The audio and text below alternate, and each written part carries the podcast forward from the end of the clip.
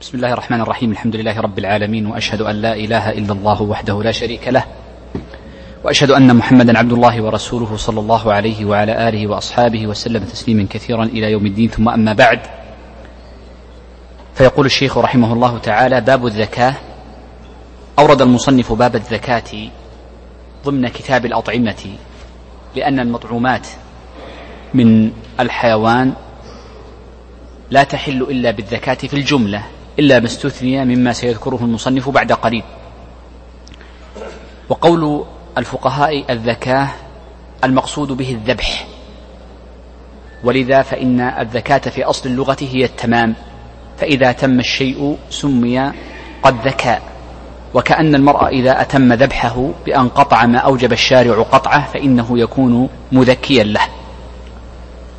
والذكاة تكون في ثلاثة أشياء مختلفة فقد تكون ذبحا وقد تكون نحرا وقد تكون عقرا. فالذبح يكون بقطع ما أمر الشارع بقطعه وهما وهما المريء والحلقوم. وأما النحر فإنه الطعن وليس الذبح وإنما يكون طعنا بأن يطعن الرقبة في اللبة.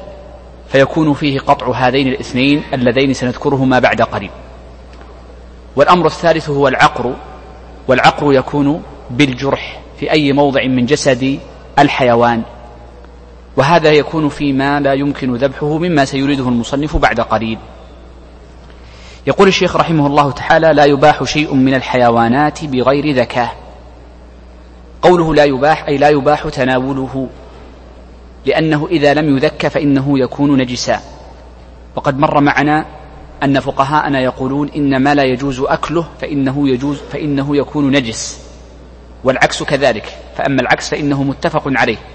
فإن كل نجس لا يجوز أكله. وأما ما لا يجوز أكله هل يكون نجسا؟ مشهور المذهب نعم. خلافة للرو... خلافا للرواية الثانية من المذهب فإنه ينازع في هذه القاعدة التي أوردتها. ولكن الفقهاء يقولون إذن إن النجس لا يجوز أكله ولا يجوز الانتفاع به بأي صورة من صور الانتفاع حتى إنه لا يج... حتى إن ما تولد منه ولو كان نباتا فلا يصح ولو ذكي بآلة نجسة فإن الذكاة لا تصح وبناء عليه فإنه يحرم آه، أكلها أي أكل الذبيحة التي ذكيت بآلة نجسة. وقد أشير لها في محلها إن شاء الله. يقول الشيخ لا يباح شيء من الحيوانات إذا قوله لا يباح يشمل التناول بالأكل ويشمل الانتفاع بالشحم ويشمل غيرها من صور الانتفاعات. شيء من الحيوانات المقصود بالحيوانات هنا أي, أي الحيوانات التي يقدر عليها. فأما ما لا يقدر عليه فهو الذي يكون إباحته بالصيد وسيريده المصنف في الباب الذي بعده. ولذا فإن المراد بالحيوانات أي الحيوانات المقدور عليها. ولذا سنعرف بعد قريب أن الصيد هو ما لا يقدر عليه من الحيوانات. قال بغير ذكاة والذكاة هي الذبح سيأتي بعد قليل تفصيل شروطها. قال إلا الجراد والسمك وكل ما لا يعيش إلا في الماء. قوله إلا يدل على أن ما استثني هذا يكون أقل من المستثنى منه وهو كذلك. فإن الحيوانات التي لا يج... التي يجوز أكلها من غير زكاة تعد عدا فهي أقل عددا مما يشترط الزكاة فيه. أورد أول المصنف أول هذه الأمور وهو الجراد. فإن الجراد يجوز أكله من غير ذكاة لقول النبي صلى الله عليه وسلم في حديث ابن عمر أحل لنا ميتتان السمك والجراد. فإن الجراد والسمك يجوز أكلهما من غير ذكاة وسواء مات قبل تناوله وكبسه أو بعد ذلك فإنه يحرم في الث... عفوا فإنه يجوز في الثنتين.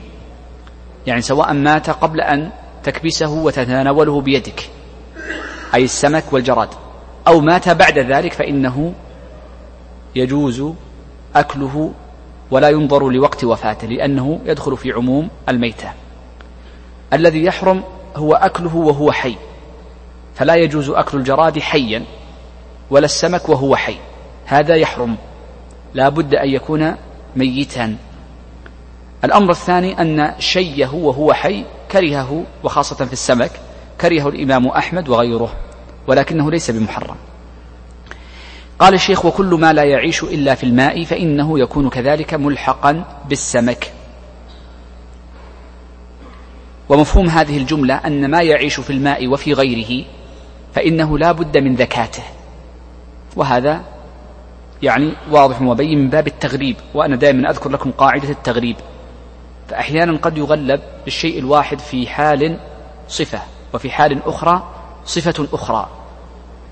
فعلى سبيل المثال مر معنا على سبيل المثال في المغمى عليه. فتارة يغلب الفقهاء شبه المغمى عليه بالنائم كما في الصوم وفي الصلاة. وتارة يغلبون شبهه بالمجنون كما في الحج. وهكذا. وما كان يعيش بين الماء وبين البر يغلب فيه البر إذا كان يعيش فيه أغلب وقته. فحينئذ من باب التغريب باعتبار الزمان. هناك أمر رابع لم يرده المصنف وهو في الحقيقة مذكى لكن ذكاته ليست مباشرة. وهو الجنين إذا كان في بطن مأكول اللحم. فإن الشاة إذا ذبحت وغيرها مما يؤكل لحمه وكان في بطنها جنين وخرج ذلك الجنين بعد الذكاة ميتا أو خرج وفيه حياة غير مستقرة فإن هذا الجنين يجوز أكله من غير ذكاة. لما ثبت عن النبي صلى الله عليه وسلم أنه قال ذكاة الجنين ذكاة أمه. فإذا ذكيت الأم ذكي الجنين. وأما إذا خرج الجنين حيا ولو كانت فيه حياة مستقرة فإنه لا يحل أكله إلا بعد تذكيته كما تذكى أمه بأن يقطع الحلقوم والمريء. طبعا هذه قول النبي صلى الله عليه وسلم ذكاة الجنين ذكاة أمه هذه ذكر بعض أهل العلم هو القاضي عياض في الإلماع أن فقهاء الحنفية خالفوا في هذه المسألة لكن فيها نكتة هنا. ذكر أن خلفاء أن فقهاء الحنفية خالفوا في هذه المسألة فقالوا إن الجنين لا بد أن يذكى وإلا لا يحل أكله سواء خرج ميتا أو خرج حيا. ولما أورد لهم هذا الحديث أجابوا عنه بتغيير ضبطه. فقالوا إن النبي صلى الله عليه وسلم إنما قال ذكاة الجنين ذكاة أمه. فتكون ذكاة الجنين كذكاة أمه فلا بد من قطع الاثنين أو الأربعة. والصواب هو الرواية المنقولة عن النبي صلى الله عليه وسلم أنها بالرفع فهي مبتدأ وخبر. ذكاة الجنين ذكاة أمه فإذا ذكيت أمه فإن الجنين يكون حلالا. يقول الشيخ بعد ذلك ويشترط للذكاة أربعة شروط. هذه الشروط الأربعة تكون في جميع أنواع الذكاء سواء كانت ذبحا أو كانت نحرا. وأما العقر فإنه يشترط فيها بعض هذه الشروط دون بعضها كما سيأتي. فإن الشرط الثالث لا يشترط في العقر. قال الشرط الأول أهلية المذكي. قال بأن يكون عاقلا مسلما كتابيا إلى آخر كلامه. الشرط الأول عبر بأن يكون المذكي أهلا أي أهلا للذكاة.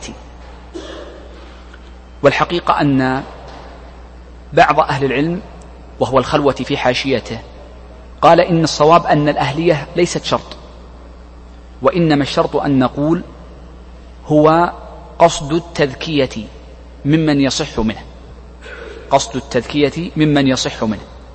وبناء على ذلك فإنه يقول إن العقل يكون شرطا لوجود الشرط شرطا للوجود. لأن لأن القصد لا يوجد من مع فقد العقل والكافر تلغى نيته فلا اعتبار بها في العبادات وال والذكاة فيها معنى العبادة. طيب. إذا أهلية المذكي بعض أهل العلم يرى أن الصواب أن يكون الشرط حقيقته قصد التذكية ممن تصح وممن يصح منه ذلك القصد وهو ممن يصح منه التعبد. قال بأن يكون عاقلا.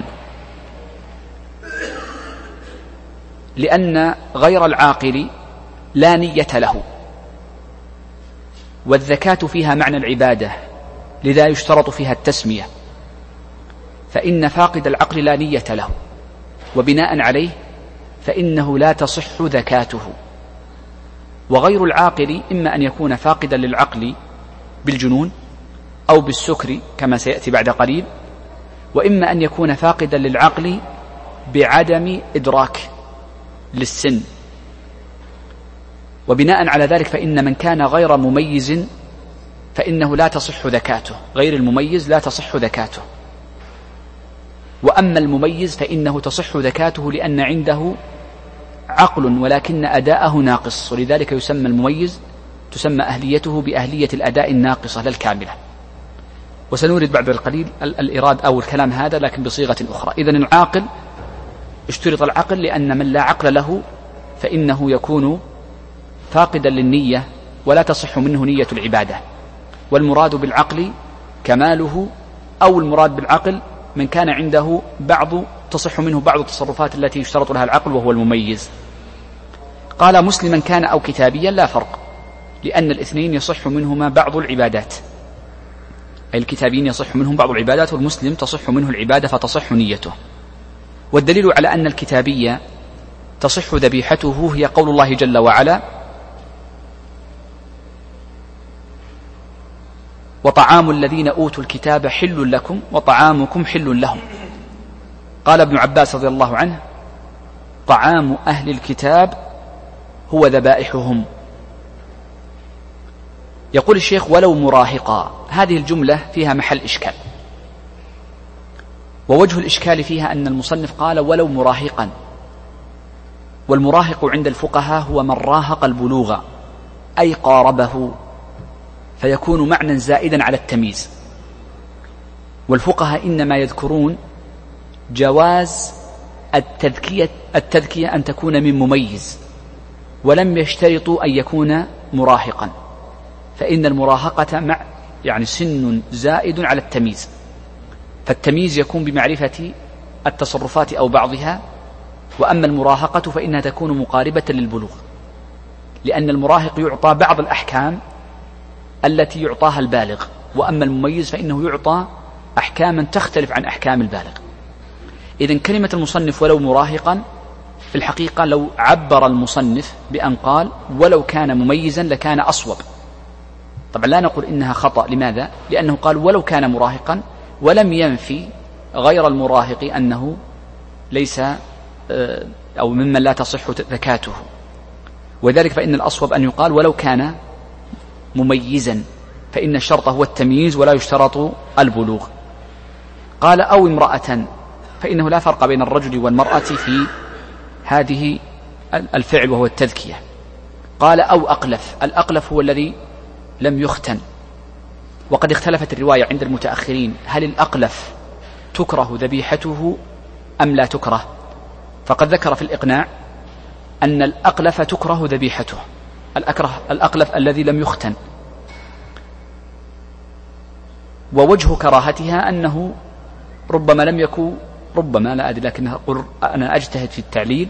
ربما لأن الأقلف يكون فيه بعض آه، رواسب الناقصة فيه فيكون فيه شبه بأهل المعصية لأنه ترك الواجب وهو الختان. ربما كان هو ذلك هو السبب. ولكن المعتمد عند أغلب المتأخر وهو المشهور أنه لا كراهة لذبيحة الأقلف. أنه لا كراهة لذبيحته سواء كان طبعا أقلف مسلما أو كتابيا لا فرق. قال أو أعمى كذلك لا كراهة لذبيحته لأن العبرة بالنتيجة. يقول الشيخ ولا تباح ذكاة سكران. السكران الذي فقد عقله بسكره سواء كان سكره محرما أو مباحا بأن تناول شيئا يظنه غير مسكر فبان مسكرا فإن ذبيحته لا تصح لأنه فاقد للعقل والنية. قال ومجنون. كذلك فإن المجنون فاقد للعقل فلا نية له. قال ووثني ومجوسي ومرتد. هؤلاء الثلاثة لا تصح ذبائحهم لأن مفهوم الآية أن غير أهل الكتاب لا يجوز لا تجوز ذبيحتهم وهو كذلك. ونص المصنف على المجوسي بالخصوص لدفع التوهم الذي قد يرد عند البعض في إلحاق المجوس بأهل الكتاب في بعض الأحكام. فإن المجوس يلحقون بأهل الكتاب في بعض الأحكام كالجزية وعقد الذمة. لحديث عبد الرحمن بن عوف رضي الله عنه أن النبي صلى الله عليه وسلم قال سنوا بهم أه- سنة أهل الكتاب ونقول إن هذا الحديث إنما ورد في سياق معين فلا يتعداه لأن الأصل أنهم ليسوا من أهل الكتاب وبناء عليه فلا ينكح نساؤهم ولا تجوز ذبائحهم. وكذلك المرتد فإنه لا تصح ذبيحته ولو أسلم بعد ذلك فإن العبرة بوقت فعله فإنه عند فعله لا تصح منه العبادات لأنه مرتد ولذا فلا تصح منه العبادة فكل عبادة فعلها حال ردته فإنها تكون باطلة والذكاة فيها معنى التعبد. قال الثاني الآلة. اشتراط الآلة لا بد منه لأن النبي صلى الله عليه وسلم آه، بين أنه ما ذبح بنصله فكله وما ذبح وما ذبح بدون ذلك فلا تأكله. فدل على أن الآلة شرط.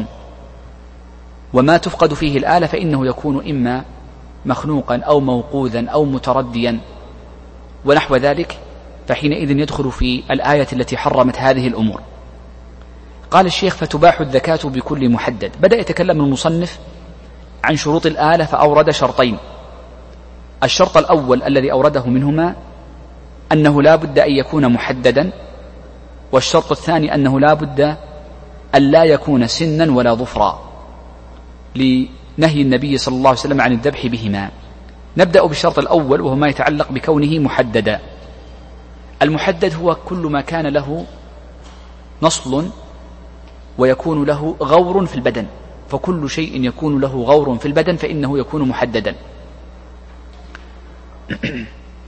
وقد ذكر الشيخ عبد القادر بن بدران في بعض رسائله أن التعبير بأن الآلة لا بد أن تكون محددة ذكر أن أول من ذكر ذلك من فقهاء الحنابلة هو الموفق في المقنع. وفي كتبه الأخرى كالمغنى, كالمغني وغيره. وكان له اعتراض على هذا التعبير وهو المحدد. في أمر سنذكره بعد قليل وهو الذبح بالرصاص. سأورده في محله إن شاء الله. ولكن العموم أن الفقهاء يقصدون بالمحدد هو كل ما كان له غور وسبق ذكره في باب الجنايات. قال ولو كان مغصوبا. يقول الشيخ إنه حتى وإن كان مغصوبا فإنه تصح الذكاة به. لماذا لم ننظر لأثر النهي في تحريم الغصب. فنقول إنما اقتضاه إن النهي يقتضي فساد الذبيحة التي ذكيت بمغصوب. نقول لأن النهي ليس عن ذات الذبيحة وإنما لوسيلة أبيحت بها وهي الآلة. وبناء عليه فإنهم يقولون إناء الوضوء. لو كان مغصوبا يصح الوضوء منه مع الإثم والآلة التي تذبح بها الشاة تبيحها ولو كانت مغصوبة. وفي معنى المغصوبة كذلك كل أمر محرم محرم استخدامه كما لو كانت سكين ذهب أو فضة فإنه لا يجوز الذبح بها ومع ذلك نقول تصح الذكاة بها. قال من حديد وحجر وقصب. أما كونه من حديد فواضح لأن الأصل أن غالب الحداء غالب السكاكين تكون أو غالب الآلات تكون من حديد. قال ومن حجر كذلك ومن قصب. وقد ثبت في صحيح مسلم أن النبي صلى الله عليه وسلم سئل أن أذبح بالليطة؟ فقال نعم. والمراد بالليطة قالوا هي قشور القصب تؤخذ فحينئذ تكون محددة فتذبح وتنهر الدم. كما ثبت عند النساء من حديث أبي سعيد الخدري رضي الله عنه أنه قال إن رجلا من الأنصار كانت له ناقة فنحرها بوتد من خشب. فأتى النبي صلى الله عليه وسلم فأمره النبي صلى الله عليه وسلم أن يأكل منها. وهذا نص على أنه يجوز الذبح بالخشب ويجوز الذبح بالقصب وبغيرها من الأمور. ولذلك قال وبغيره أي وبغيرها من الآلات ما دامت محددة وتنهر الدم.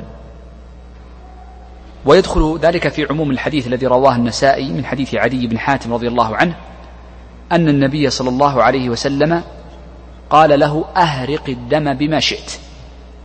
أهرق الدم بما شئت. وهذا يدل على أن أي آلة تهرق الدم فإنها كذلك.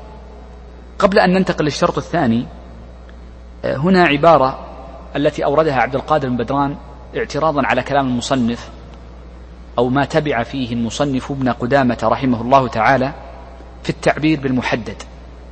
فإنه قال إن التعبير المحدد غير دقيق بل إن كل شيء يشق فإنه يكون محددا.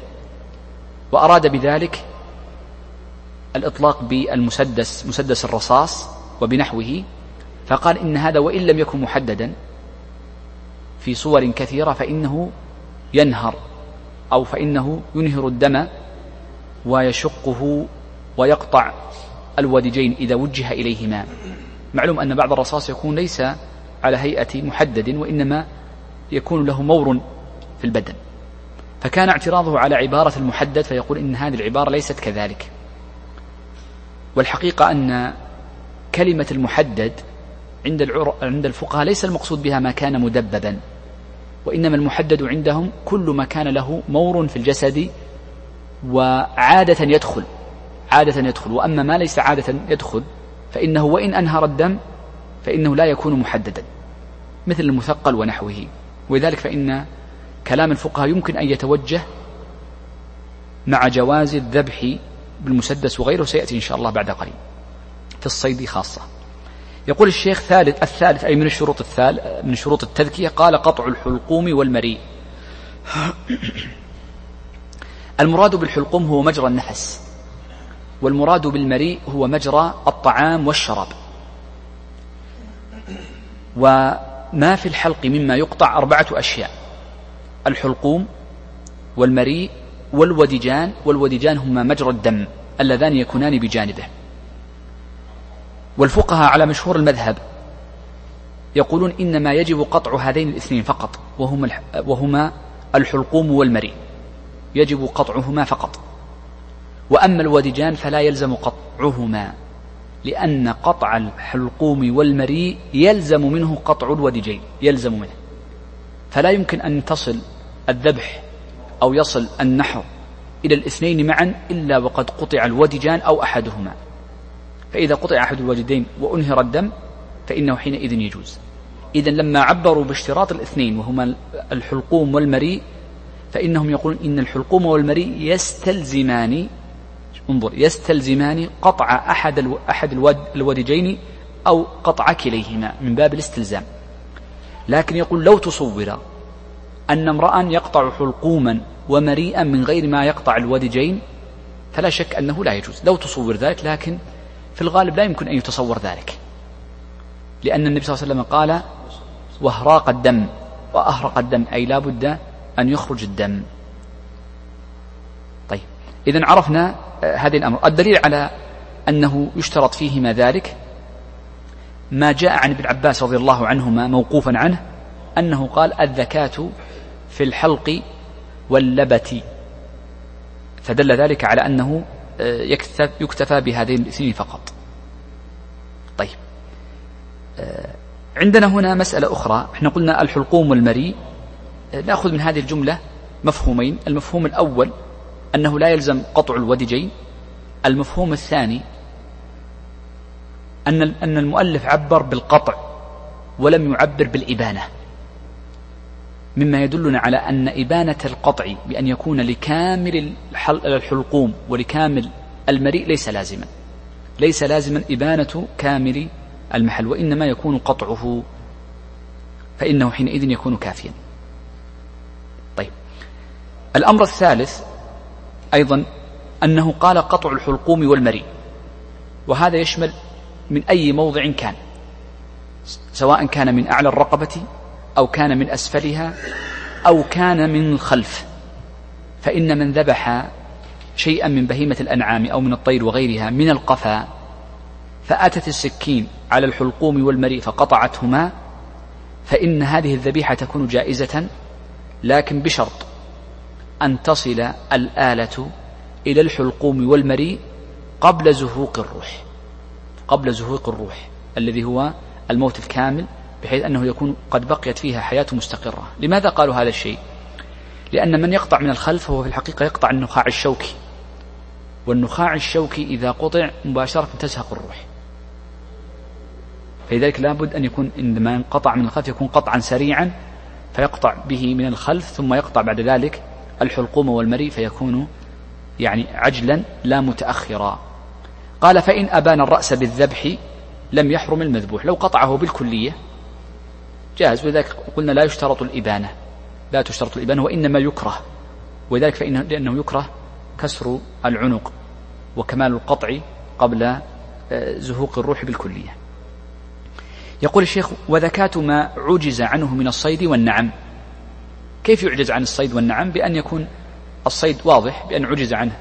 فليس مملوكا لأن الصيد إذا حيز أصبح مملوكا إذا كان المصيد أو الصيد هذا الذي غير مقدور عليه عندك في شبك فإنه يجب تذكيته لأنه يكون حينئذ مملوكا فإنه من المباحات التي حيزت. وأما إذا كان ليس قريبا منك فإنه يكون غير فيكون معجوزا عنه وسنتكلم عنه بعد قليل في باب الصيد. قال والنعم بأن ند شيء من النعم أو تردى فسقط في بئر أو عجز عنه لكثرة يعني قوته ومغالبته عند ذبحه كحال الثيران وغيرها.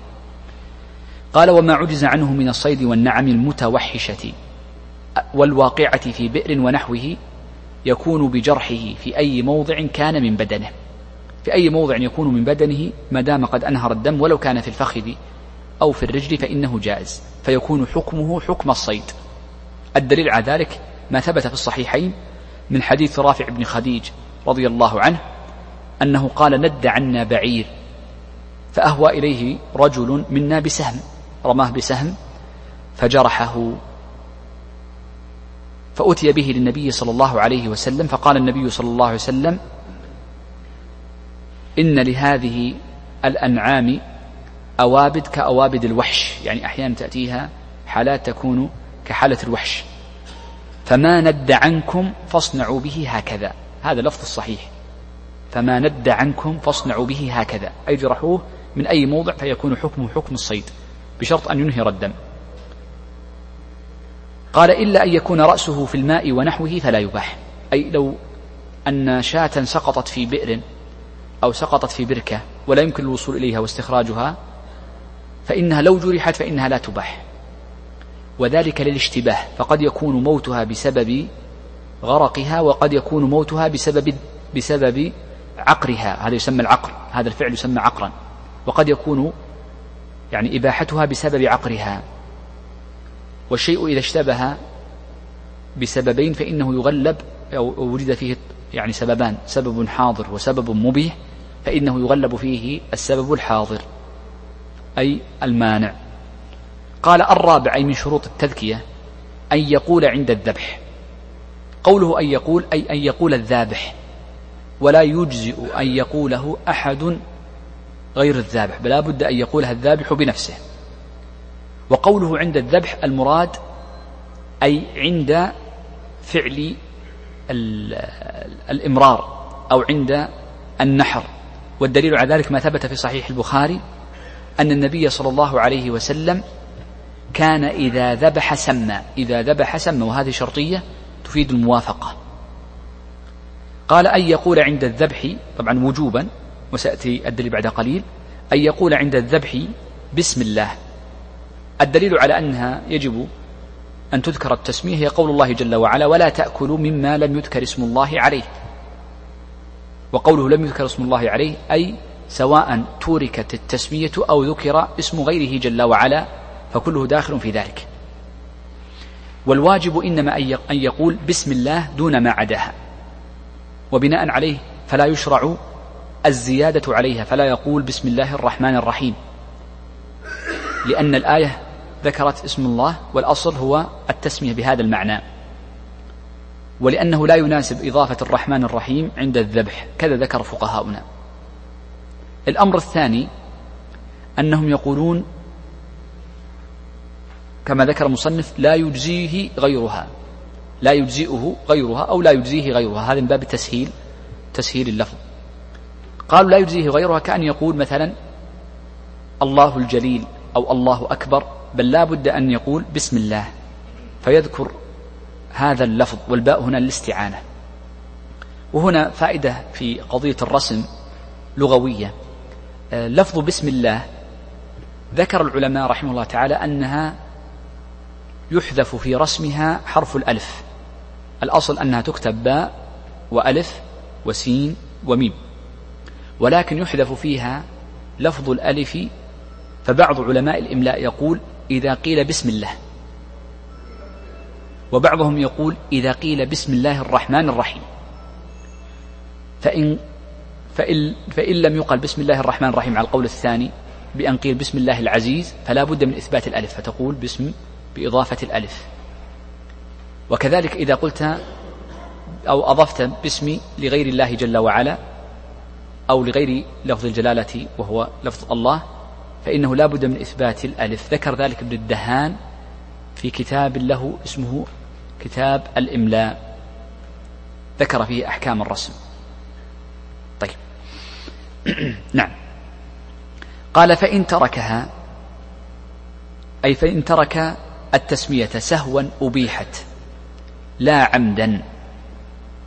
آه، من ترك التسمية عند الذكاة سهوا فإنها تباح لأنه جاء عن ابن عباس رضي الله عنهما والحديث في البخاري موقوفا من كلامه أنه قال من نسي التسمية فلا بأس وروى أصحابنا في ذلك حديثا مرفوعا للنبي صلى الله عليه وسلم من طريق سعيد بن منصور ولكن في إسناده آه، راشد بن سعد وراشد بن سعد فيه كلام. أن النبي صلى الله عليه وسلم قال ذبيحة المسلم حلال وإن لم يسمي ما لم يتعمد. وهذا الحديث يعني يشهد له قول ابن عباس وابن عباس قوله في البخاري قيل ولا يعلم له مخالف. فهذا يدل على أن السهو يسقط التسمية دون العمد. وأما الجهل فإنهم يقولون لا يسقط. لا تسقط الجهل لا يسقط التسمية. لأن هذا مما لا يعذر بجهله. فإنه في كتاب الله جل وعلا. وكل الناس يقرأ كلام الله جل وعلا وهو نص صريح. ولذلك فإنهم يقولون يعذر بالنسيان ولا يعذر فيه بالجهل لأن الجهل هنا آه، غير متصور لأنه في كتاب الله. يقول الشيخ ويكره أن يذبح بآلة كالة أي ضعيفة. لأن النبي صلى الله, صلى الله عليه وسلم قال إن الله قد أمر إن الله قد كتب الإحسان على كل شيء فإذا ذبحتم فأحسنوا الذبحة وإذا قتلتم فأحسنوا القتلة. وليحد أحدكم شفرته وليريح ذبيحته. قال وأن يحدها وعرفنا الحديث بأن يحد السكين. قال و... نعم قال يعني نعم قال وأن يحدها والحيوان يبصر أي أنه يكره أن يحدها والحيوان يبصره وهو يحد السكين. لما ثبت في مسند الإمام أحمد من حديث ابن عمر رضي الله عنه أن النبي صلى الله عليه وسلم أمر أن تحد الشفار وأن توارى عن البهائم أي لا لا تنظرها البهيمة حال حدها. ويحتمل أن مراده وأن توارى أي توارى السكين. ولذلك بعض الناس إذا أراد أن يذبح لا يري الشاة السكين بالكلية. وهذا أنسب وإن كان الفقهاء يقولون آه، أن قوله يكره آه، أن يبصرها الحيوان أن يبصر حد الآلة لا الآلة لصعوبة ذلك. ما يتعلق بالآلة هنا يناسب ذكره أن الفقهاء يقولون يستحب أن يحمل على الآلة بقوة بأن يضغط عليها وأن يسرع الشخط بها. لا يكون بطيئا وإنما يسرع لأن الحمل بالقوة وسرعة الشخط بها هذا من الإحسان في الذبح ولا شك. قال ويكره أن يوجه أن يوجهه إلى غير القبلة. آه، لأن النبي صلى الله عليه وسلم كما ثبت عند أبي داود لما ذبح أضحيته وجهها إلى القبلة وقال وجهت وجهي للذي فطر السماوات والأرض. فدل ذلك على فعل النبي صلى الله عليه وسلم لها فيكره مخالفة ذلك. ووجه الكراهة وقلنا إنها كراهة وليست خلاف الأولى لأنها قد تكون فيها مشابهة لغير المسلم فحينئذ حكم بالكراهة ولم نقل بخلاف الأولى. قال وأن يكسر عنقه أي عنق عنق الشاه أو غيرها من البهائم لأن في ذلك تعذيبا لها وإنما يكسر عنقها بعد زهوق روحها. بعد زهوق الروح. طيب. قال أو, أو يسلخه قبل أن يبرد أي يسلخ الجلد قبل أن يبرد. ودليل ذلك ما روى البيهقي بل روى الدار قطني أن النبي صلى الله عليه وسلم قالوا قال لا تعجلوا الأنفس قبل زهوقها. لا تجعلوها بالسلخ تعجلوها بالسلخ ولا تعجلوها بكسر العنق. وقول المصنف إنه يكره هذه الأمور جميعا يدلنا على أنه إن فعل شيئا من هذه الأمور فقد أساء فقط أساء ولكن لا إثم عليه وتصح ذكاته ويجوز أكلها. ثم أورد المصنف بعد ذلك باب الصيد وهو مناسب للذكاء لأن ذكاة الصيد تكون بجرحه من أي موضع من المواضع. وقد ذكر الفقهاء أن الصيد من أطيب ما يأكله المرء فأطيب طعام يأكله المرء من حيث الحل والحرمة هو الصيد. هذا هو مشهور المذهب. لأنه لا شبهة حرام فيه مطلقا. لا شبهة فيه للحرام مطلقا فإنما هو من فضل الله عز وجل وإحسانه. ولذلك يقولون هو أفضل مأكول. وأما المكتسب الذي يكتسبه المرء فإن المعتمد من المذهب أن أفضله هو الزراعة. فإن الزراعة أفضل مكتسب والمأكول أفضله الصيد. والصيد إما أن يكون مباحا وإما أن يكون مكروها. فمن اصطاد ليأكل فإنه يكون مباحا في حقه. ومن اصطاد ليلهو فإنه يكون مكروها. ولذلك جاء في الحديث عن النبي صلى الله عليه وسلم فيما روي عنه أنه قال من من اتبع الصيد فقد غفل. فلذلك هو مكروه لأن فيه معنى له. وليس المقصود بأن يأكل لحاجة بل يصطاد ليأكل ولو لم يكن له حاجة فقد يكون غنيا وعنده من من الأكل الشيء الكثير فهذا ليس داخلا في الكراهة. الكراهة أن يصطاد ليصطاد لا ليأكل. يقول الشيخ رحمه الله تعالى باب الصيد. المراد بالصيد وهذا تعريفه مهم لكي نميز الصيد من غيره. قال هو اقتناص حيوان حلال متوحش طبعا غير مقدور عليه. هذا هو تعريف أصحابنا. تعريف أصحابنا للصيد هو ذلك.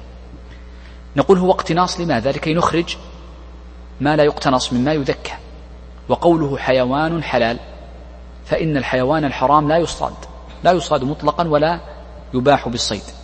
وقوله متوحش طبعا يدل على أن ما كان أهليا ثم توحش فإنه لا يكون صيدا بل لا بد أن يكون طبعه التوحش. يعني عند الشخص شيء ثم خرج منه كداج ونحوه فنقول لا هذا ليس صيدا. قال غير مقدور عليه فإنه لو قدر عليه وملك وأصبح مملوكا فإنه حينئذ لا يصطاد وإنما يجب تذكيته. كما نعلم أن بعض الناس عنده غزلان يربي غزلانا ويربي غير ذلك من الأمور فحينئذ يكون في ملكه أو يكون قد اصطاد بشبكة ونحوها فيكون مقدور عليه فيجب أن يذكيه. يقول الشيخ لا يحل الصيد المقتول في الاصطياد إلا بأربعة شروط. تعبير المصنف لا يحل الصيد المقتول في الاصطياد يدلنا على أن الصيد نوعان. إما أن يكون مقتولا في الاصطياد أو ليس مقتولا في الاصطياد. سيورد المصنف حكم الأول وسأورد أنا من باب التتمة حكم الثاني.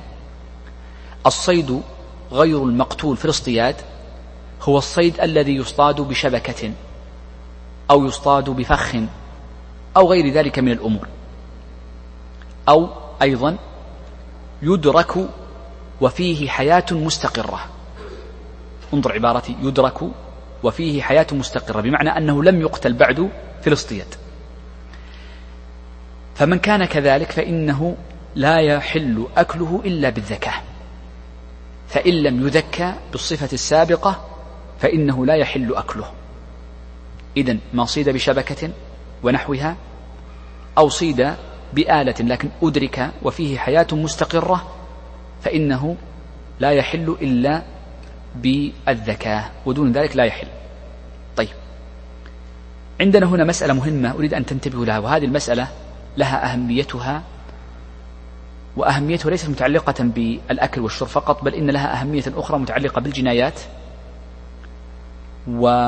الآن المعاصرين توسعوا في أهميتها حتى أدخلوا فيها أمورا طبية. وهو مسألة التفريق بين الحياة المستقرة والحياة غير المستقرة.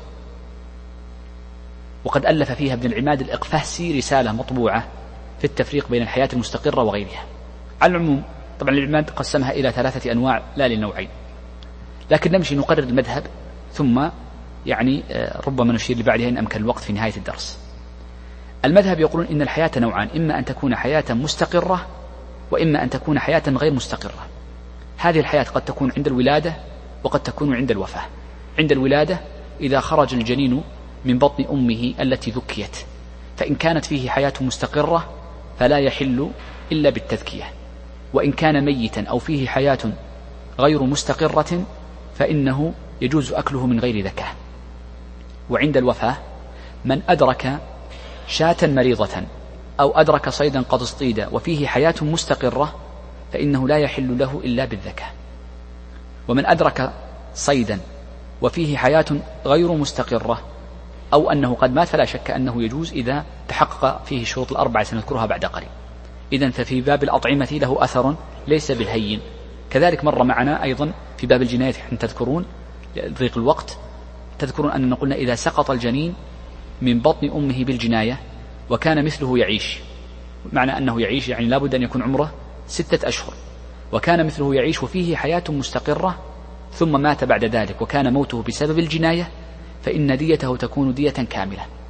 بخلاف من مات دون ستة أشهر ولو ظن أن فيه حياة مستقرة فليست هذه حياة مستقرة. من مات دون ستة أشهر أو خرج من بطن أمه وفيه حركة المذبوح. إذا نريد مسألة مهمة جدا وهي قضية ما الفرق بين الحياة المستقرة وغير المستقرة. في باب الأطعمة المتأخرون لهم روايتان. إحداها في المقنع الإقناع والثانية في المنتهى. فالمشهور عند المتأخرين أن الحياة المستقرة هي كل ما زاد على حركة المذبوح.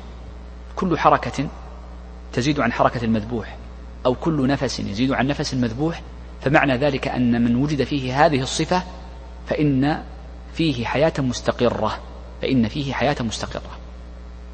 الرواية الثانية عند المتأخرين أيضا وهو الذي مشى عليه في الإقناع أنه لا بد أن يكون مع هذه الزيادة على حركة المذبوح أن توجد حركة ولو ليد يحرك اليد يحرك الرجل وهكذا. كل حركة زادت عن حركة المذبوح حركة ليس مجرد كل ما زاد تكون حركة منفصلة عن حركة المذبوح. حركة المذبوح الحركة اللا إرادية المعتادة فإن تحرك أكثر منها فهذه حياة مستقرة. هو يقول لا لابد أن يتحرك حركة أخرى مختلفة عن حركة المذبوح. وهذا القول أخذه المصنف في الإقناع هنا من شيخه الشويكي فإن الشويكي قال الاحتياط أن يكون مع وجود الحركة فإن لم تكن هناك حركة ولو كان هناك نفس فإنه تكون الحياة حياة غير مستقرة. إذا عرفنا أن هناك مسلكان والحقيقة أن التفريق بين الحياة المستقرة وغير المستقرة حتى عند المعاصرين يعني مشكل كثيرا جدا لأنه ينبني عليه مسائل في قضية مثلا أن بعض المعاصرين يقول أن الحياة غير المستقرة ينبني عليها أنه يجوز أخذ أعضائه عفوا نعم يجوز نعم يجوز أخذ أخذ أعضائه التي لا يمكن أن يعيش بها. لكن قبل أن يفقد الحياة المستقرة حينما كانت فيه حياة مستقرة فإنه لا يجوز ذلك. فإذا فقد الحياة المستقرة جاز أن يشق بطنه ويؤخذ قلبه وتؤخذ كليتاه وكبده وتؤخذ قرنيته وهكذا. لأن الشخص بعد الوفاة تبرد أعضاؤه وتموت أعصابه فلا يمكن أخذ هذه الأعضاء فلا بد أن يكون فيه رمق من الحياة تؤخذ منه الأعضاء. آه، طبعا هذه المسألة طويلة جدا في قضية تقريرها كلام طويل جدا وأنا أحيلكم على كتاب ابن العماد الإقفاسي وغيره. طيب قبل أن ننتقل للمسألة كلام المصنف عندي بس مسألة بسيطة جدا. قلنا قبل قليل أن من أدرك صيدا وفيه حياة مستقرة فإنه يجب عليه أن يذكيه. عندنا صور انظر لها من باب تكملة القسم العقلية. من أدرك حيوانا مصادا بطريقة شرعية وفيه حياة مستقرة لكن ضاق الوقت عن تذكيته. لا يمكنه أن يذكيه. لا يمكن أن يخرج سكينا ويذكيه والسكين معه. فمن حين أن يخرج السكين ويذكيه فمن حين أتى بالآلة فإذا به قد فقد الحياة المستقرة. هل يكون حلالا أم لا؟ نقول نعم هو حلال. لما هو حلال؟ لأنه قد اشتغل بالشرط. فمن اشتغل بالشرط فكأنه لم يضيع شيئا. فهو حقيقة متعلق بالفورية مشتغل في البحث عن السكين وحدها وهكذا. إذا هذا الأمر الأول.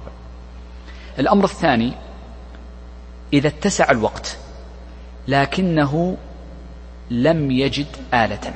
لم يجد آلة. وخشي موته. فحينئذ نقول لا يحل. انظر الفرق بين المسألتين. هناك فرق بين هاتين المسألتين. طيب نرجع لكلام المصنف ضيق الوقت. يقول الشيخ لا يحل الصيد المقتول. عرفنا الصيد غير المقتول في الاصطياد إلا بأربعة شروط. لا يحل الصيد المقتول في الاصطياد إلا بأربعة شروط. أحدها أن يكون الصائد من أهل الذكاء وبناء على ذلك فإنه يحرم صيد من ليس من أهل الذكاء. ومن ليس من أهل الذكاة هو الوثني والمجوسي والمجنون والسكران وغير ذلك. وهذا الشرط يشابه ولا أقول يوافق الشرط في الذكاء. لأن هناك فرقا يسيرا بينهما وهم يقولون أن الصيد يتصور فيه المشاركة وأما الذكاة فلا يتصور فيها المشاركة. وبناء على ذلك فمن شارك مسلما في صيد فإنه حينئذ تحرم من باب التغليب. فلو شارك مسلم وثنيا في صيد صيد معين فإنه يكون محرما. وأما في الذكاء فلا يتصور إلا أن الذي يذكي شخص واحد ولا تتصور فيه المشاركة. الشرط الثاني قال الآلة. قال وهي نوعان. أولها قال المحدد وسبق الكلام في المحدد واعتراض بعض أهل العلم عليه وأن اعتراضه يعني ليس دقيقا في محله وهو الشيخ عبد القادر بن بدران. يقول قال محدد يشترط فيه بدأ يذكر ما يشترط في المحدد. قال يشترط فيه ما يشترط في آلة الذبح. هذا هو الشرط الأول الذي يشترط في آلة الصيد.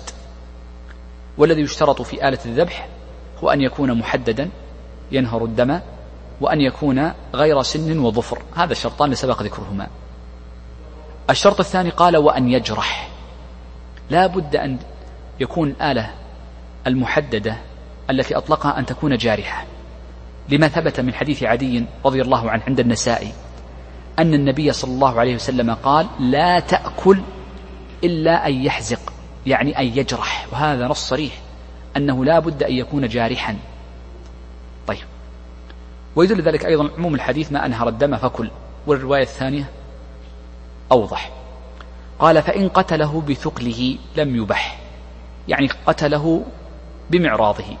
ولذلك جاء في حديث عدي أيضا وهذا لفظ البخاري أن النبي صلى الله عليه وسلم قال ما أصاب بحده فكله وما أصابه بعرضه فهو وقيل أي لا تأكله. فما أصاب بثقله أي بجانبه أو كان المطلق شيء يعني من الأشياء التي ليست محددة فإنه لا يجوز أكله. والحديث واضح وصريح حديث عدي في البخاري. يقول الشيخ وما ليس بمحدد كالبندق نبدأ بها واحدة واحدة وأنا سأقف مع مع بعضها. قال وما ليس بمحدد كالبندق. البندق ما هو؟ البندق هو أن يؤتى بالطين ويجفف ويكون على هيئة كور ثم يرمى به.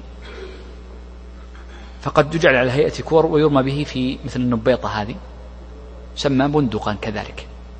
وقد ثبت عن النبي صلى الله عليه وسلم عن الأكل منه أو الأكل من مصيد به. فثبت في مسند الإمام أحمد من حديث إبراهيم بن عدي بن حاتم مرسلا.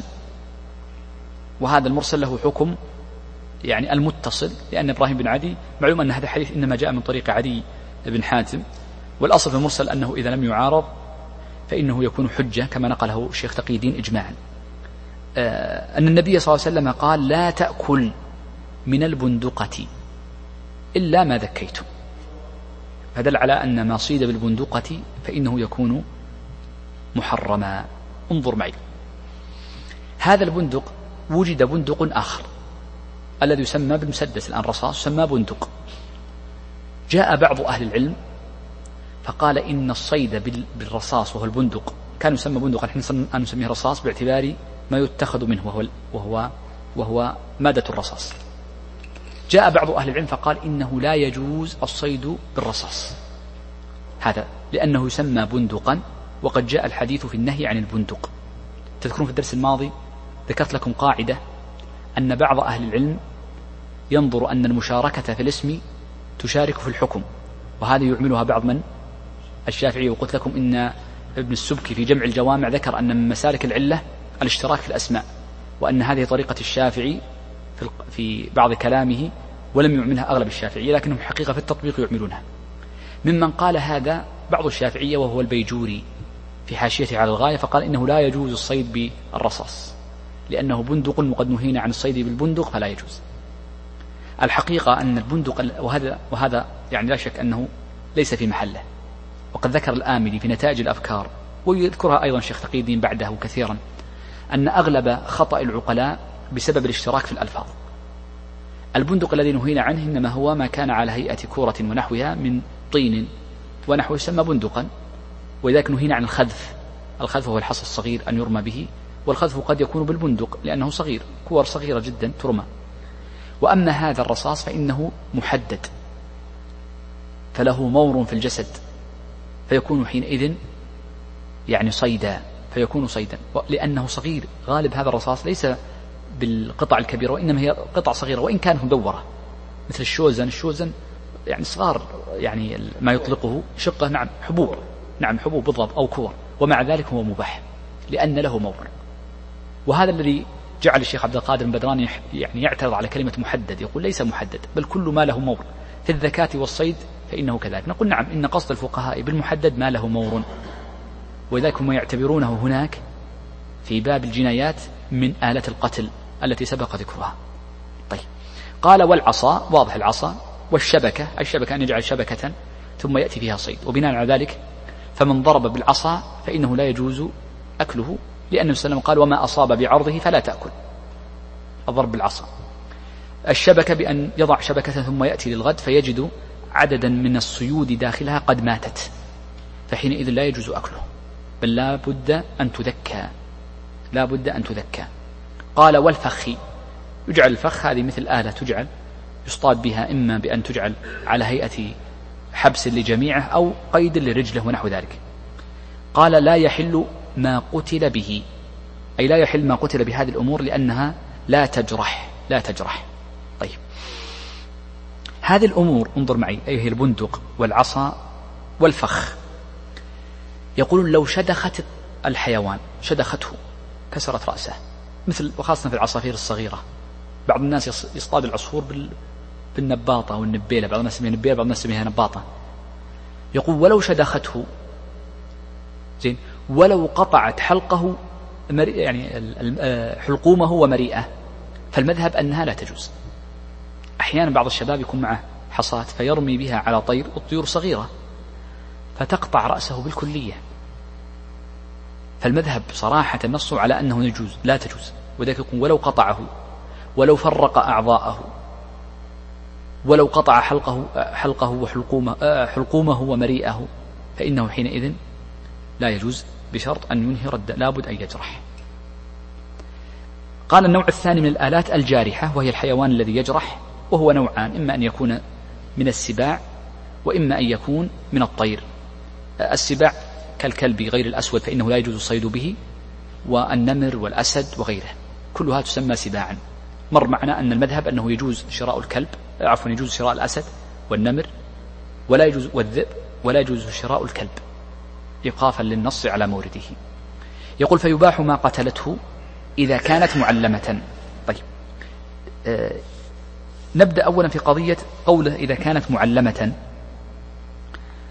آه آه أولا المعلم قد يكون من السباع وقد يكون من الطير.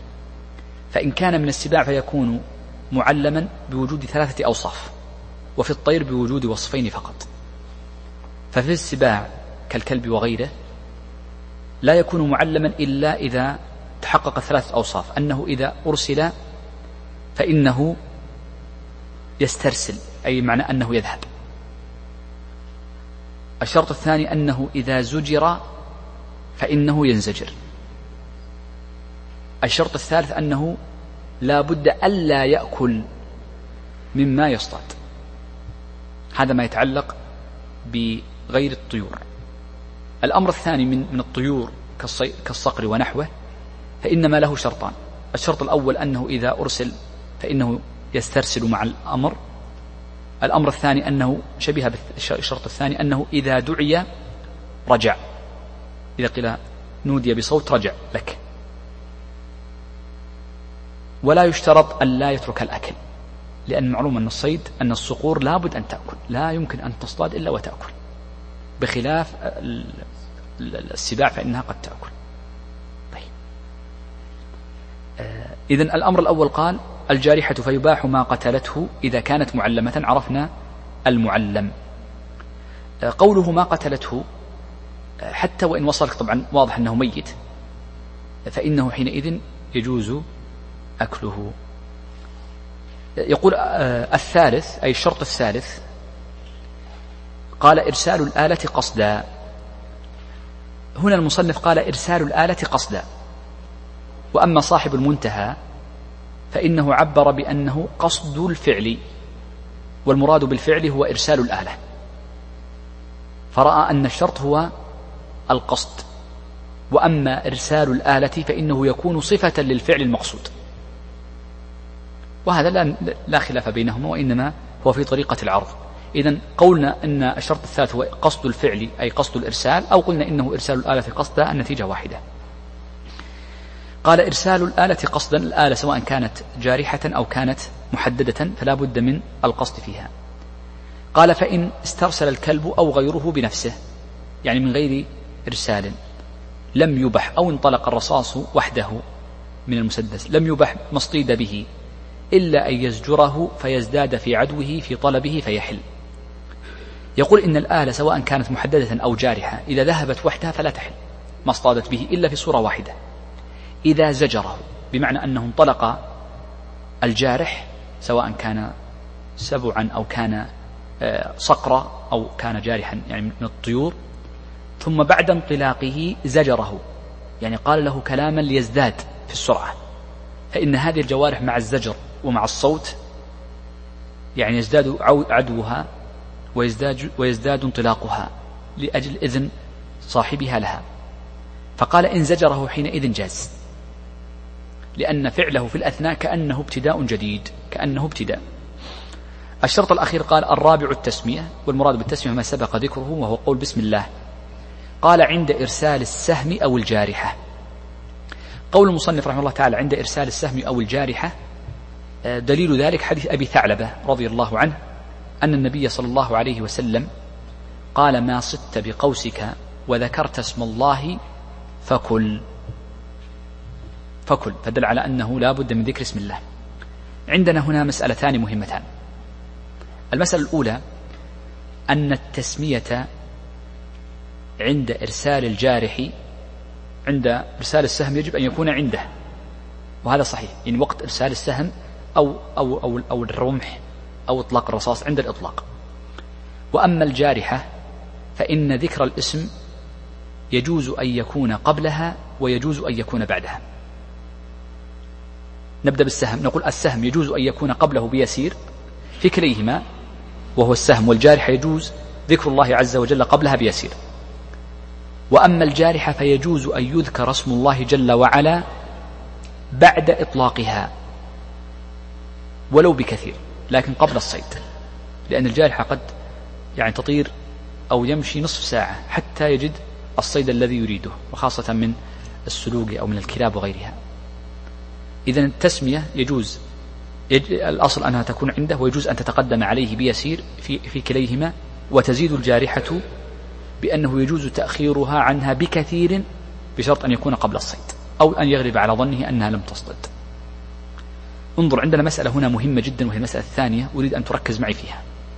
قال فإن تركها عمدا أو سهوا لم تبح. يقول إن تركها أي ترك التسوية عمدا واضح. ما لم تذكر اسم الله عليه فلا يحل أكله أو سهوا لم يبح. ركز معي. في الذكاة قلنا إن من تركها عمدا لا تباح واضح. أو جهلا. ولكن نسيانا قلنا في الذكاة تباح وفي الصيد قلنا لا تباح ما الفرق بينهما؟ وجه الفرق بينهما لفقهاء المذهب ثلاثة طرق. ليس طريقا واحدا في التفريق بينهما.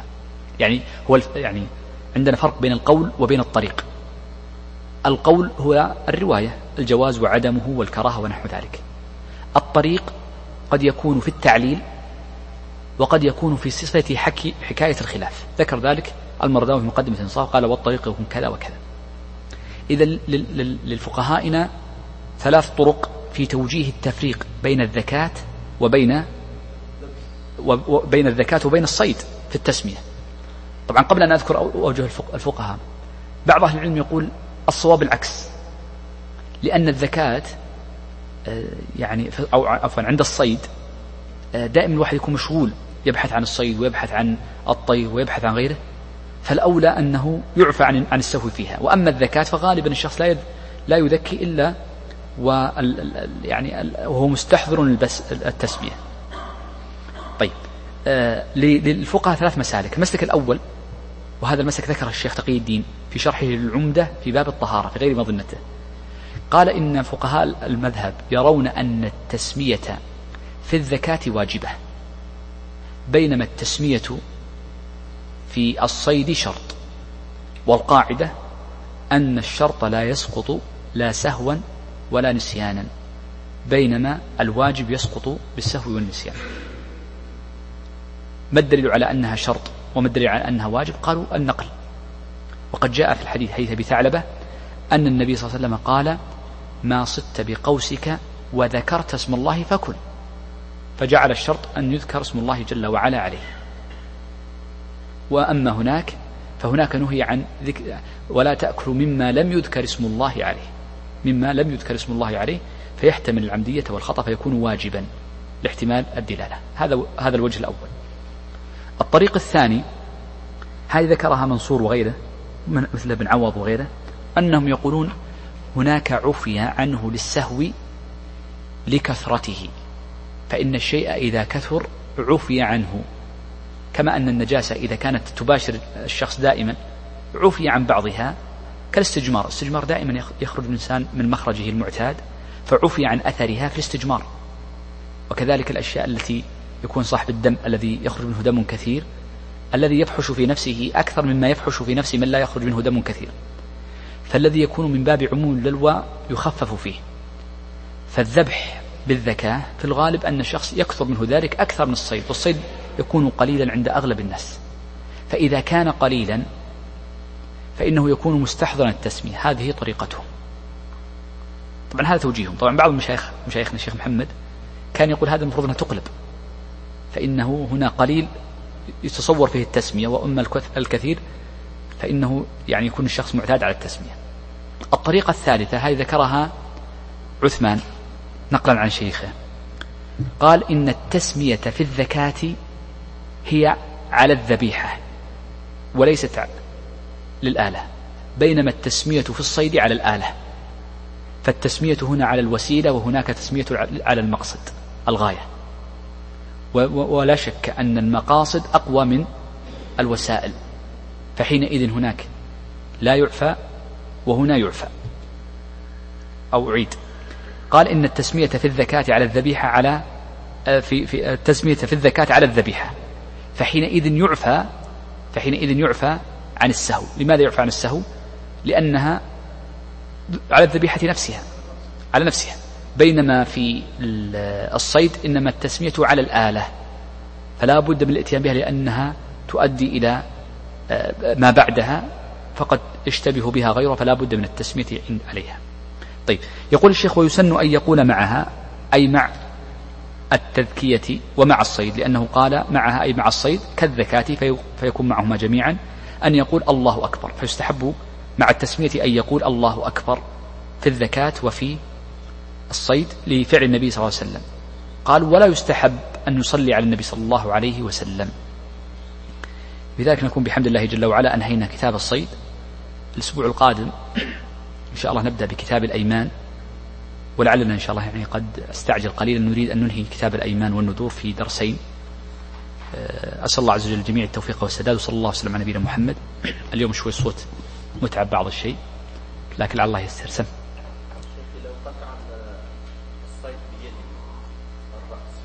ما يجوز. لا بد من آلة. ما يجوز.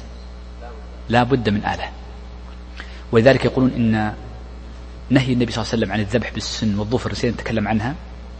أن الذبح بالسن والظفر طبعا للحديث الذي ورد ذكرته قبل قليل سواء كان السن والظفر متصلين أو منفصلين. الحكم فيهما سواء. فلا يجوز الذبح بهما. آه، قطع الرأس هذا ليس فيها آلة. فحينئذ لا يجوز. وذلك يقولون آه، ليس كل طريق أدى إلى خروج الدم فإنه يكون مباحا وذلك من ضرب بالعصا أو بالفخ وإن كان فيه جرح في اليد وقطع لحما فإنه لا يبيح. فلا بد أن يكون آلة محددة. ما تبيح إلا أن تذكيه لأن هذا فخ. ولو جرحه ولو قطع لحم الرجل. لا قطع انتهينا يجوز. لا لو كان لو كان شلون؟ يعني خلينا نتكلم عن مسألة. الآلة التي يقولون يعني يكون بها لا يلزم انظر معي لا يلزم في الآلة أن تكون مرسلة وقت الفعل وبناء على ذلك في الصيد وبناء على ذلك فلو جعل سكاكين على الأرض فجاء عليها صيد فوقع عليها فمات أبيحت هذه الذكاء. الفخوخ هذه إذا أنهرت الدم ولو قطعت يعني أنهرت الدم بمعنى أن أخرجته. لكن لو قطعت اللحم وقطعت العظم من غير أن تنهر الدم ما يجوز. لكن لا يشترط أن تكون هناك آلة مرسلة بمعنى أنه يطلق السكين أو أنه يطلق الرمح.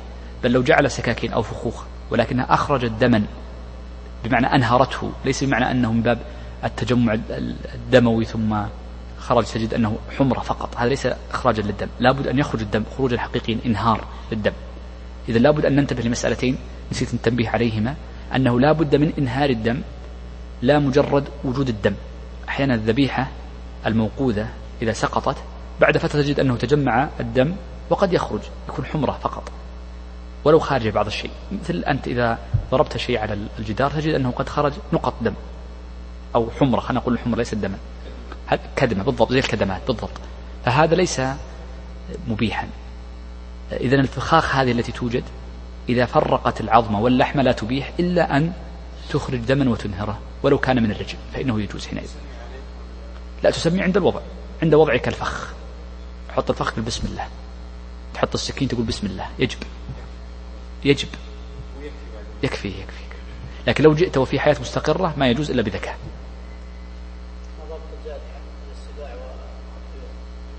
يقولون السبع كله يجوز الصيود به إلا الكلب الأسود البهيم. فإن الكلب الأسود البهيم لا يجوز الصيد به لأنه نهي عن اقتنائه وأمر بقتله خاصة. أمر بقتله خاصة. فلما نهي عن اقتنائه فدل على أنه لا يجوز استعماله. كل ما نهي عن اقتنائه لا يجوز استعماله. والطيور ما جرت العادة بالصيد به. كرهوا بعض الطيور. قالوا مثل الباشق يكره الصيد به. ولا أدري ما وجه كراهتهم له. لكن كل ما جرت العادة بالاصطياد به من الطيور. يعني قديما كانوا يصطادون بالأسد وبالنمر. يذكرونها في كتب التاريخ خلفاء بني أمية وغيرهم. فليس خاصا بالكلب. الذئب ما أعرف أحد يصطاد بذئب. ما أظن أن الذئب يصطاد به. ما دام يمكن تعليمه. وما علمتم من الجوارح مكلبين تعلمونهن تعلمونهم مما علمكم الله. سم شيخ محمد.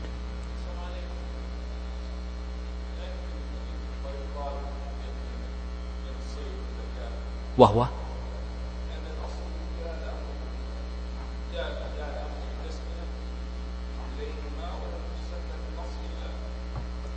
نعم. آه هذا هذا كلام صحيح. وهذا الذي يسمى شيخ آه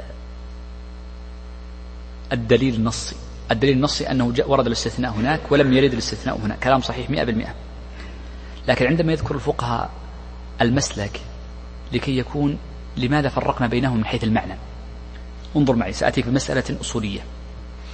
عندنا مصطلح يسمى الاستحسان. الاستحسان ما هو؟ هو مخالفة القياس لدليل ورد. هذا هذا الاستحسان وهو مخالفة القياس لدليل ورد بخصوصه. هذا المستحسن يقولون لا يقاس عليه وإنما يورد يعني وإنما يورد مورد النص ولا يتجاوز. أريدك أن تنتبه لمسألة. هل يوجد شيء على خلاف القياس أم لا؟ فمن قال إنه يوجد شيء على خلاف القياس مثل طريقة الموفق فقال إن الاستحسان هو مخالفة القياس لورود النص في جزئية بعينها. استثنى شيئا معينا أو لقياس أقوى منه. ومن قال إنه لا يوجد شيء على خلاف القياس كما هي طريقة الشيخ تقي الدين ويرى أنها هي طريقة الإمام أحمد ويقول إن هذا أحمد يقول لا يوجد شيء لذلك يقول كل قياس خالف النص رددناه يجب أن يكون القياس والنص متوافقان تماما. يجب أن يكون انتبه يجب أن يكون النص والقياس متوافقان. فلا يصح أن نقول إن هناك على خلاف القياس شيء. إذا ما, الذي يكون استحسان؟ قال إن الاستحسان هو تخصيص العلة. فتخصيص العلة هو أن تأتي بمعنى لماذا استثني هذا من ذاك؟ مع أن الأصل القاعدة العامة أنه لا بد من ذكر الله عز وجل عند التذكية أو ما يقوم مقامها كالصيد. إذا القياس ما هو هنا؟ القياس أنه لا بد من ذكر الله. جاء النص كما تفضلت قبل قليل باستثناء في, الأثر الموقوف عن ابن عباس والحديث المروي عند سعيد بن منصور باستثناء الذبيحة. الواجب أنك تقيس الذبيحة على الصيد. هذا هذا الطريق. الطريق الثاني أن تفرق بينهما. فمن فرق بينهما بين الصيد وال و وال والذكاء قال إن الذكاء مبنية على القياس. القياس مأخوذ من النص أصلا. وجاء النص الثاني مستثني له فيكون استحسانا. الآخرون يقول لا هذا من باب تخصيص العلة. تخصيص العلة هو ماذا؟ أن نقول إذا التسمية هنا شرط وهنا واجب. طبعا الشيخ تقي تعرف أنه يرى الثنتين واجب فيرى أنه يسقط في الثنتين بالنسيان وأراحنا. جزاه الله خير.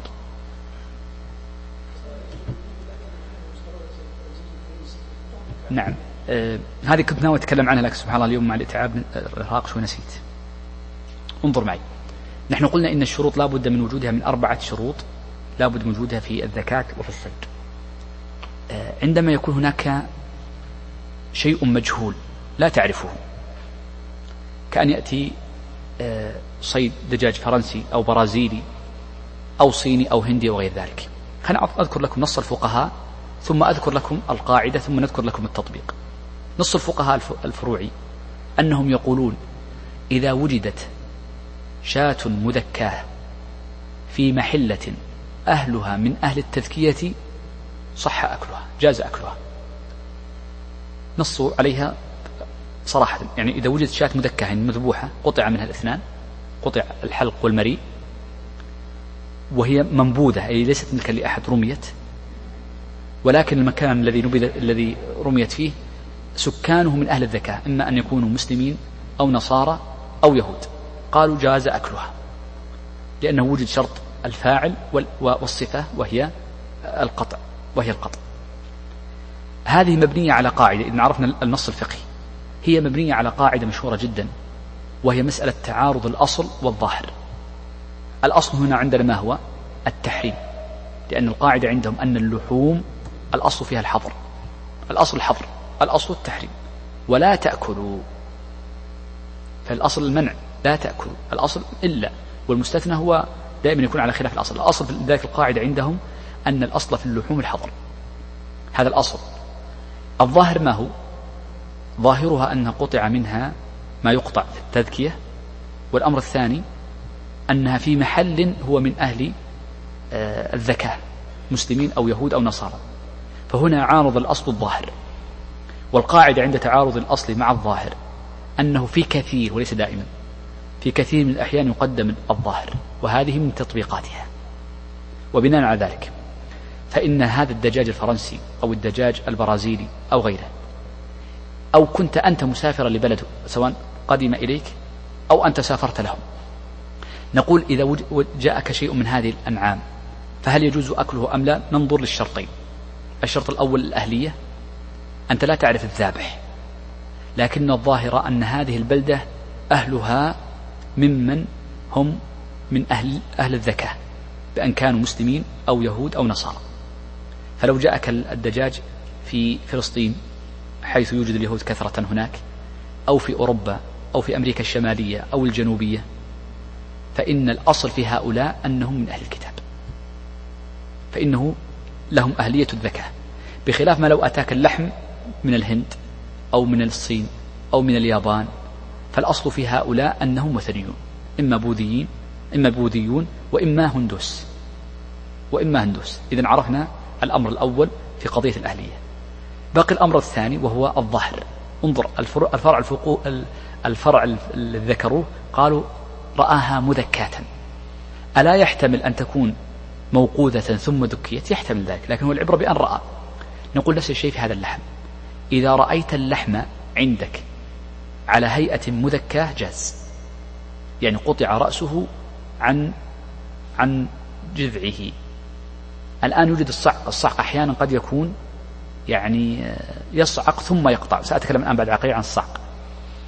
نقول وإن كان مصعوقا ما دام هو ظاهره كذلك.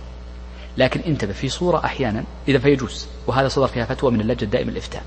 هناك صورة يكون الظاهر التحريم بأن يغلب على بلد معين أنهم يغلب عليهم هو الأغلب أنهم يذبحون الداجن بطريق الصعق من غير قطع.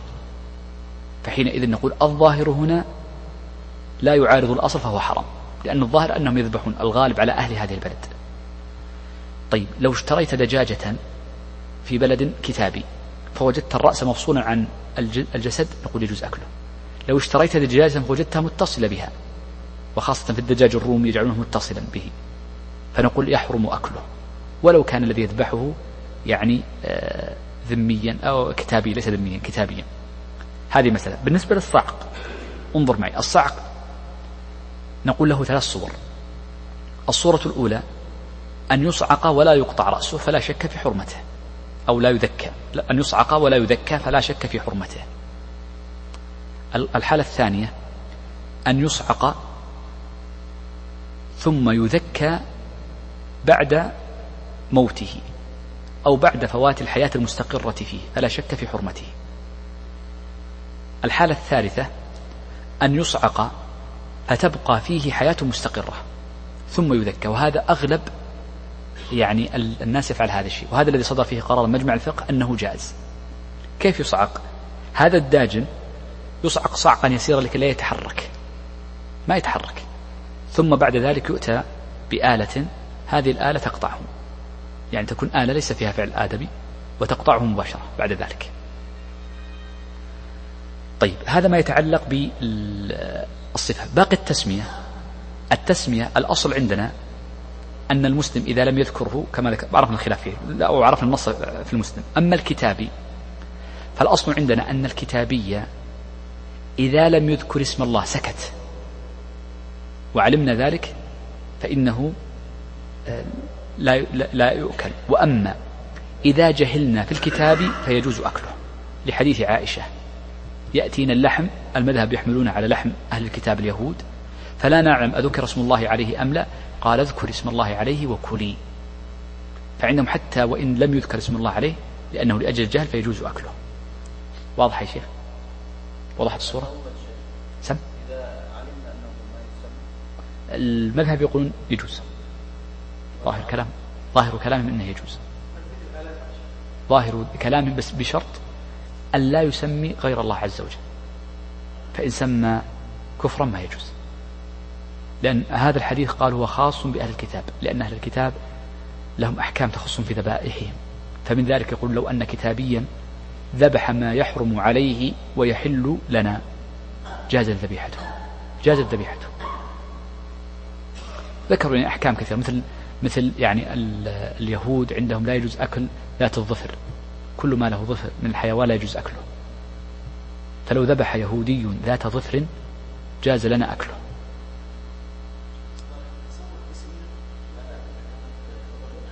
في الآلة؟ يكون تسمية عند تشغيل الآلة. عند تشغيلها. قد تذبح مئة. فعندما يقول بسم الله خلاص. ولذلك يعني أنا شفت بعض الآلات وضعوا عند زر التشغيل بسم الله بخط لكن إذا أراد أن يشتغل يقول بسم الله. وهذا هو الصواب. طبعا الحقيقة كثرة نسيان التسمية كثير جدا. اسأل أي شخص يعني لغة الدرجة قصاب يعني يعني يذبح القصاب هذا لو تسأله يقول يعني كثيرا ما ينسى كثيرا ما ينسى. وذلك القول الثاني اختيار الشيخ تقي الدين بأنه يعذر بالنسيان حتى عند التذكية يعني قوي لكن الذي تعمد ترك ذكر اسم الله عز وجل عليه لا شك أنه لا يجوز أكله. وإن كان مع عهد الرسول وهم يقولون ثلاثة. حتى وإن كان. ما لم يقل أنا لست نصرانيا ارتدت فإنه يكون نصرانيا. لا لا لا حتى ونطق حتى لو ما لم يقل أنا لست إذا قال أنا لست نصرانيا تركت النصرانية هنا مسألة أخرى.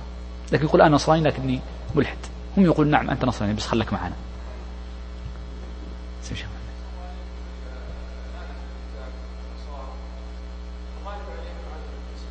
عدم.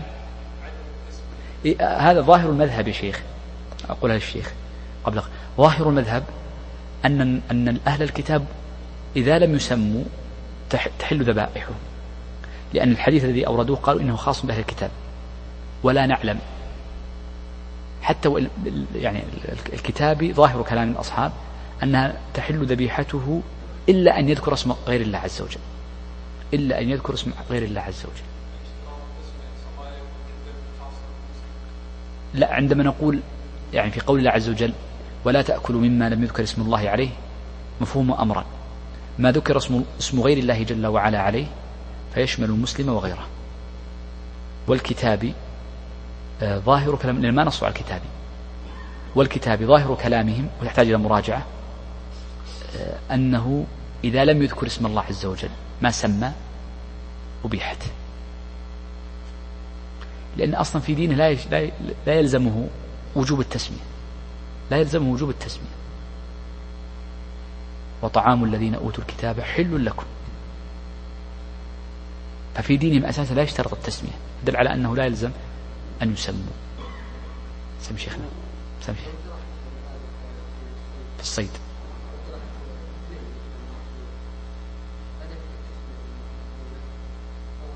جرحت الآلة اثنين. لا يكفي واحد.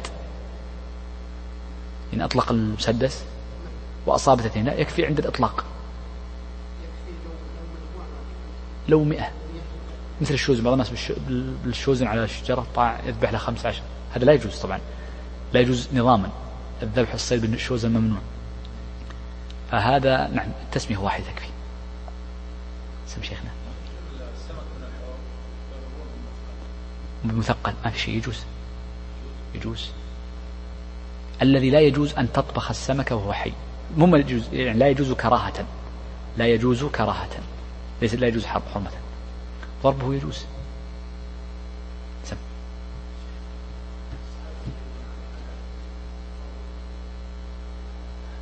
الكتاب. ابن ابن عمر رضي الله عنه له رأي أنه لا يجوز مناكحة أهل الكتاب. ولا يجوز ذبائحهم لأنهم ليسوا الذين يعني أنزل عليهم الكتاب فإنهم قد حرفوه وبدلوه. لكن أغلب الصحابة على خلافه. أغلب هذا تقصد إيش؟ إيه ابن عمر هذا هو رأيه. وأغلب الصحابة على خلافه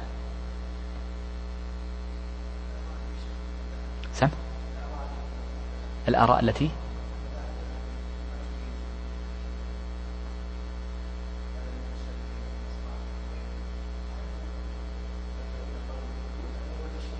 لا لا يرجعون لاشتراط التسمية. لاشتراط التسمية فقط. لاشتراط التسمية. تعبت. في شيء؟ السلام عليكم ورحمة الله. جزاكم الله خير.